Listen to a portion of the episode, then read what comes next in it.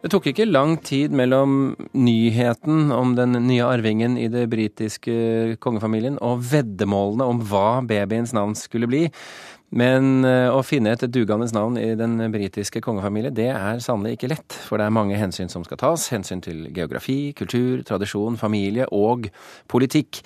Jan Erik Mustad, universitetslektor ved Universitetet i Agder. Først av alt, Hvilket eller, eller hvilket navn er det som nå ligger på topp på bettinglistene akkurat nå?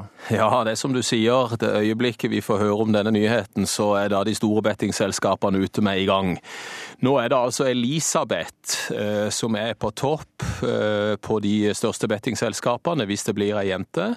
Og så er det John og Charles eh, som ligger godt an hvis det blir en gutt. Kommer de til å sikre seg, tror du, og velge navn som James, Alfred, Edward, George eller ja. Elizabeth Maud og Victoria, kanskje? Ja, jeg, jeg, tror nok at både William og, og, Kate ser det ut som eh, Nå er jo hun eh, den første representanten i kongehuset som kommer fra eh, de vanlige folks rekker, for å kalle det det. Men de virker nokså tradisjonelle i sine valg. Det så vi også under bryllupet. Noe er styrt av tradisjoner i kongefamilien, mens andre ting er styrt styrt av egne ønsker. Men Betyr det at hun kan ta med seg et navn fra folket og så putte det inn i kongefamilien? Eh, ja, nå er jo Elisabeth et populært navn også i folket. Eh, fordi at eh, Kate også har en tante som heter Elisabeth. Ja, men så... det teller ikke. Nei, det er jo det som er spørsmålet, da. Fordi at hvor mye hensyn skal de ta til at hun kommer fra oss vanlige mennesker, og ikke er av, av kongelig blod?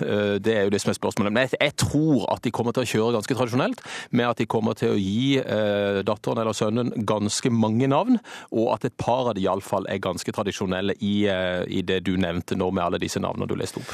Men, men hva må William og Kate ta hensyn til når de bestemmer navn?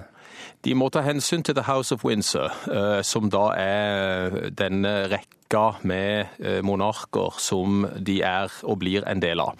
Eh, det er jo da navn som du nevnte. Det er altså Victoria, eh, det er Elisabeth, det er Charles, det er Edward, det er George.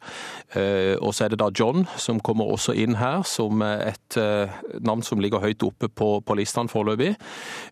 Så, så det er et hensyn å ta. Et annet hensyn å ta er jo geografien, som du nevnte innledningsvis her. Fordi at de er tronarvinger for hele Storbritannia, altså England, Skottland, Wales og Nord-Irland.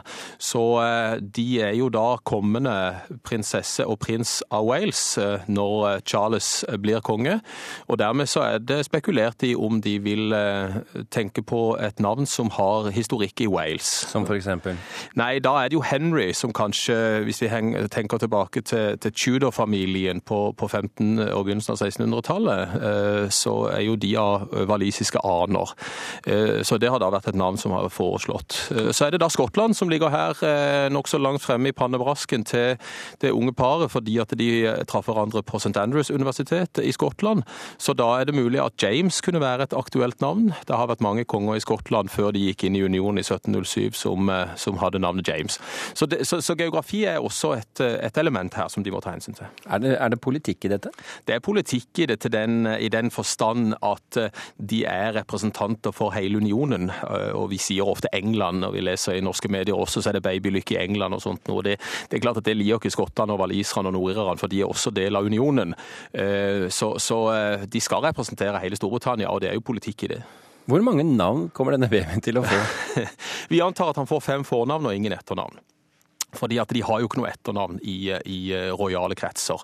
Eh, de kan bruke etternavnet Wales. Eh, det har prins William gjort når han har vært i de militære styrkene. Da bruker han Wales som etternavn. Han kan også bruke Cambridge som etternavn fordi at han har tittelen The Duke of Cambridge. Så det, eller kan han bruke Windsor, som er da hele denne familiesaganavnet, for å kalle det det. Eller Mountbatten, som er hans fars navn. Men er det noen av de tradisjonelle kongenavnene babyen ikke kan få, som på sett og vis er litt sånn besudlet?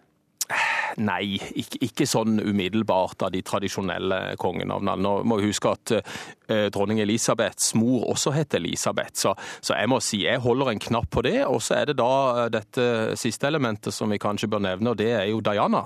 Eh, fordi at det spekuleres i om William og Kate har lyst til å hedre Diana. Kate traff jo aldri Diana siden hun døde i 1997, eh, så det er nok et ønske fra de kanskje å hedre hans mor. Eh, sånn at en kombinasjon av Elisabeth og Diana hadde jo vært spennende, for de var jo ikke verdens beste venner da Diana levde. Eh, men, dronningen og dem. Men hvor sannsynlig er det at de kan gjøre noe som veldig mange gjør for tiden, velge utradisjonelle navn? Altså for å ta vår egen kongefamilie, Isadora eller Talula? Jeg tror ikke det. Nei, du tror ikke det? Ikke det.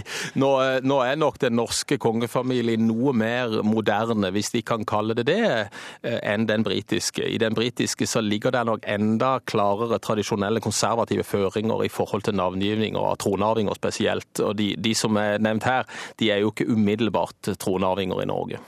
Jan Erik Mustad fra Universitetet i Agder, tusen hjertelig takk for at du kunne være med her i Kulturnytt.